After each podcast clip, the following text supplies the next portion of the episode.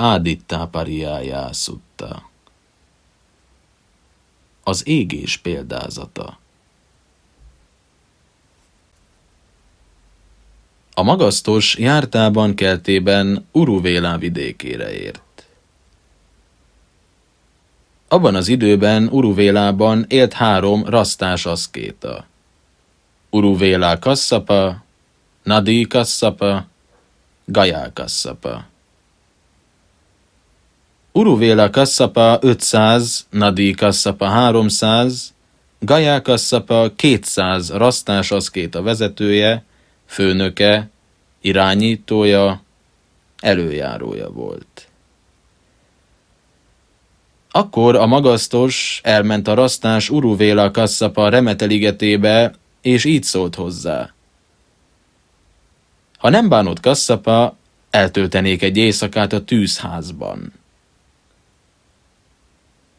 Nagy törekvő, én nem bánom, de van itt egy varázserejű, bősz nága király, akinek szörnyűséges, gyors mérge van. Nehogy bajod essék. A magasztos másodszor és harmadszor is megkérte. Semmi bajom nem eshetik. No, kasszapa, engedd hát meg. Legyen, ahogy kívánod. Erre a magasztos bement a tűzházba, kiválasztott egy szénahalmot, lótuszülésben, egyenes testtartásban leült, és tudatosság meditációba kezdett. Meg is látta a nága, hogy a magasztos belépett. Erre füstöt okádott a gonosz. Ekkor a magasztos így gondolkodott. Legjobb lesz, ha nem bántom ennek a nágának a bőrét, páncélját, húsát, ínát, csontját, velejét, hanem tűzzel gyűröm le az ő tüzét. Majd varázserejét tűzzé alakította, és füstöt okádott. Erre a nága dühötten fellángolt. A magasztos pedig a tűzelembe teljesen belemerülve szintén fellángolt. Kettejük izzásától a tűzház is mintha felgyulladt, fellángolt, felizzott volna. A rasztások körülvették a tűzházat, és így beszéltek. Ó jaj, a nága bántja a nagy törekvőt, aki oly szépséges. A magasztos pedig nem bántotta a nága bőrét, páncélját, húsát, inát, csontját, velejét, hanem saját tüzével legyűrte az ő tüzét. Az éjszaka elmúltával egy edénybe dobta, és megmutatta a rasztás Uruvéla kasszapának. Itt van neked a nága. Legyűrtem tűzzel a tüzét. Erre Uruvéla Kasszapa ezt gondolta. Nagy hatalmú csodatévő a nagy törekvő, hogy a varázserejű, bősz, szörnyűségesen gyors mérgű nága király tüzét saját tüzével le tudja gyűrni. De ő nem érdemes, én viszont igen. Egy alkalommal a magasztos kidobott rongyokra talált.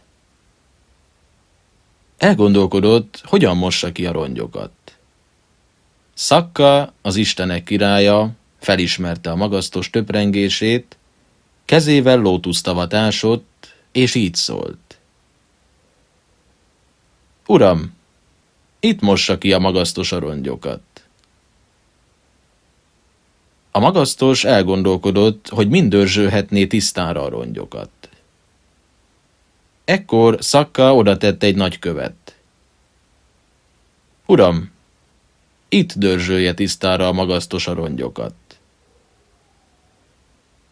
A magasztos elgondolkodott, hogy mibe kapaszkodva jöjjön ki a tóból. Ekkor az Arjuna fában lakozó istenség lehajlított egy ágat. Uram, ebbe kapaszkodva jöjjön ki a magasztos a tóból. A magasztos elgondolkodott, hogy hova terítse ki száradni a rongyokat. Ekkor Szakka oda is tett egy nagy követ. Uram, erre terítse ki a magasztos a rongyokat. Aztán az éjszaka elmúltával a rasztás Uruvéla Kasszapa odament a magasztoshoz, és így szólt hozzá. Itt az idő, nagy törekvő, elkészült az étel. Na hát, nagy törekvő, ez a lótusztó nem volt itt korábban, most meg itt van. Ezek a kövek sem voltak korábban ide téve. Ki tette ide? Ennek az Arjuna fának sem hajlott le az ága azelőtt, most meg lehajlik. Nem emberkéz ástaja tavat, nem emberkéz tette ide a köveket, az Arjuna fa ágából pedig kapaszkodó lett. És a magasztos elmesélte Kasszapának a történteket. Erre Uruvéla Kasszapa ezt gondolta. Nagy hatalmú, csodatévő a nagy törekvő, hogy még Szakká, az Istenek királya is szolgálatot tesz neki. De ő nem érdemes, én viszont igen. Aztán a magasztos elfogyasztotta a neki felajánló tételt, és abban a ligetben maradt. Kasszapa másnap is hívta reggelizni. Indulj, Kasszapa, én is megyek. Ezzel elbocsátotta Uruvéla Kasszapát, aztán Jambu Szilvát szedett, erről a fáról kapta India a Jambu sziget nevet, mégis elsőként érkezett meg, és leült a tűzházban. Amikor Uruvéla Kasszapa meglátta, hogy a magasztos már a tűzházban ül, megkérdezte tőle. Nagy törekvő, hát te melyik úton jöttél ide? Előtted indultam el, te mégis előttem érkeztél meg. És még Jambu Szilvát is szedtem. Tessék, Kasszapa, itt a Jambu Szilva, érett, illatos, ízletes.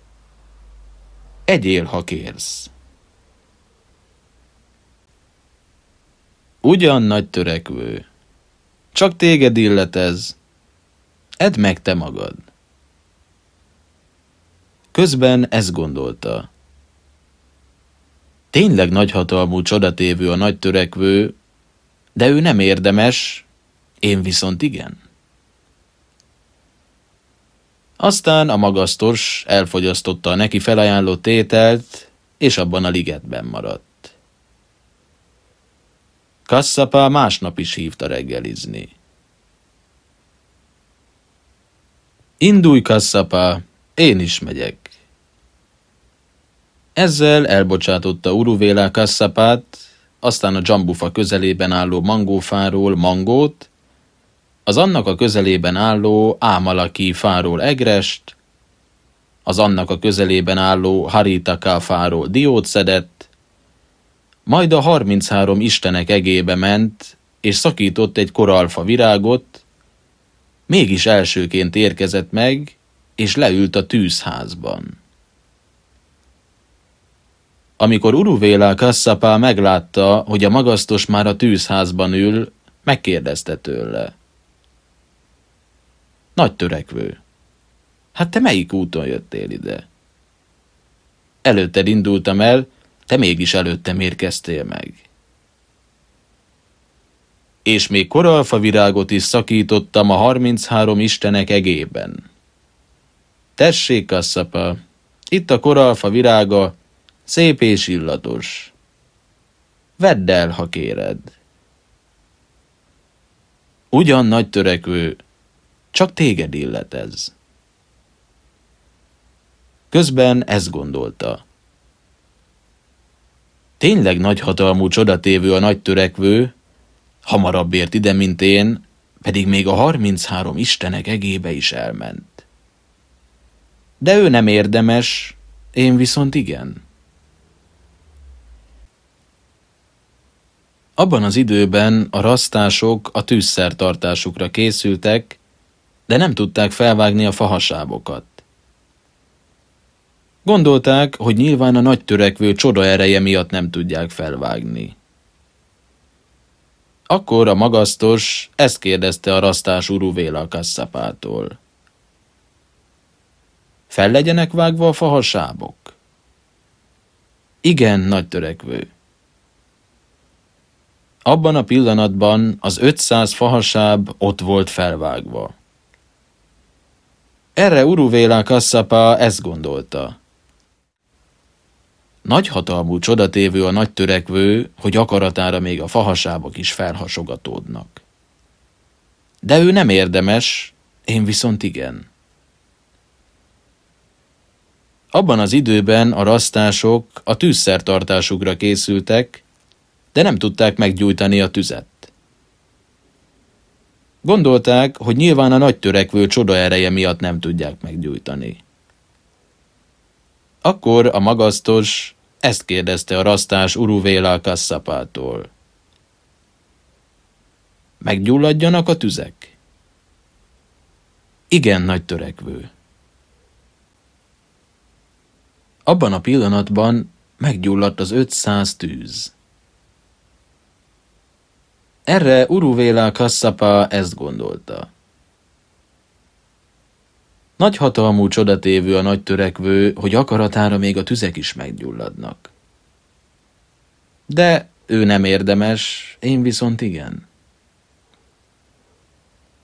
Abban az időben a rasztások végeztek a tűzszertartással, de nem tudták eloltani a tüzet. Gondolták, hogy nyilván a nagy törekvő csoda ereje miatt nem tudják eloltani. Akkor a magasztos ezt kérdezte a rasztás Uruvéla kasszapától. Kialudjanak a tüzek? Igen, nagy törekvő. Abban a pillanatban kialudt az 500 tűz. Erre Uruvéla Kasszapa ezt gondolta. Nagy hatalmú csodatévő a nagy törekvő, hogy akaratára még a tüzek is kialszanak. De ő nem érdemes, én viszont igen. Abban az időben a rasztások a hideg téli éjeken, a leghidegebb időszakban, hóesésben megmártóztak a Néranjara folyóban, bele-belemerítkeztek. Akkor a magasztos odavarázsolt 500 parástartó tálat, aminél a rasztások melegedhettek, amikor kijöttek a vízből. Gondolták, hogy nyilván a nagy törekvő csodaereje varázsolta oda a parástartókat. Erre Uruvéla Kasszapá ezt gondolta. Nagy hatalmú csodatévő a nagy törekvő, hogy ilyen sok parástartó tálat tud varázsolni de ő nem érdemes, én viszont igen. Abban az időben, noha száraz évszak volt, egy óriási fellek kerekedett, és hatalmas felhőszakadást támadt. A víz elborította azt a helyet, ahol a magasztos időzött. A magasztos elhatározta, hogy szétválasztja a vizet, és közte a porfötte földön jár. Így is tett. A rasztás Uruvéla Kasszapa pedig, nehogy a magasztost elborítsa a víz, sok rasztással együtt hajóra szállt, és arra felé indult, ahol a magasztos időzött. Meglátta a magasztost, amint az a porfötte földön jár, és így szólt hozzá. Nagy törekvő, te vagy az? Itt vagyok, kasszapá, válaszolta magasztos, és a levegőbe emelkedve beszállt a hajóba. Erre Uruvéla kasszapá ezt gondolta. Nagy hatalmú csodatévő a nagy törekvő, hogy még a víz sem tudja elsodorni. De ő nem érdemes, én viszont igen. A magasztos elgondolkodott. Ez a zavarodott ember már hosszú ideje biztos azt hiszi, hogy hiába vagyok nagyhatalmú csodatévő, nem vagyok érdemes, ő viszont igen. Ideje, hogy megingassam hitében ezt a rasztást. És így szólt Uruvéla a kasszapához. Kasszapa, nem vagy te érdemes, még az érdemessé válás ösvényét sem érted el. Az utat sem ismered, amelyen járva érdemessé lehetnél, vagy elérhetnéd az érdemessé válás ösvényét. Akkor a rasztás Uruvéla kasszapá homlokával a magasztos lábához borult, és így szólt. Uram, kérem a magasztóstól a vándorlétet. Kérem az avatást. Kasszapa, te 500 rasztás a vezetője, főnöke, irányítója, előjárója vagy. Először bocsásd el őket, ők pedig tegyenek úgy, ahogy akarnak. A rasztás Uruvéla Kasszapa odament a rasztásokhoz, és így szólt. Urak, a nagy törekvővel akarom járni a jámborság útját. Ti pedig tegyetek úgy, ahogy akartok. Uram, már hosszú ideje nagyra becsüljük a nagy törekvőt. Ha te vele fogod járni a jámborság útját, akkor mi is mindannyian így szeretnénk tenni. És a rasztások gubancos hajukat, két a batyujukat és tűzáldozó szerszámaikat elúsztatták a vízben. Aztán a magasztoshoz mentek, homlokukkal a lábához borultak, és így szóltak. Uram, Kérjük a magasztóstól a vándorlétet, kérjük az avatást. Jöjjetek, szerzetesek, szólt a magasztos. A darmát jól elmagyaráztam, járjátok a jámborság útját, hogy teljesen véget vessetek a szenvedésnek.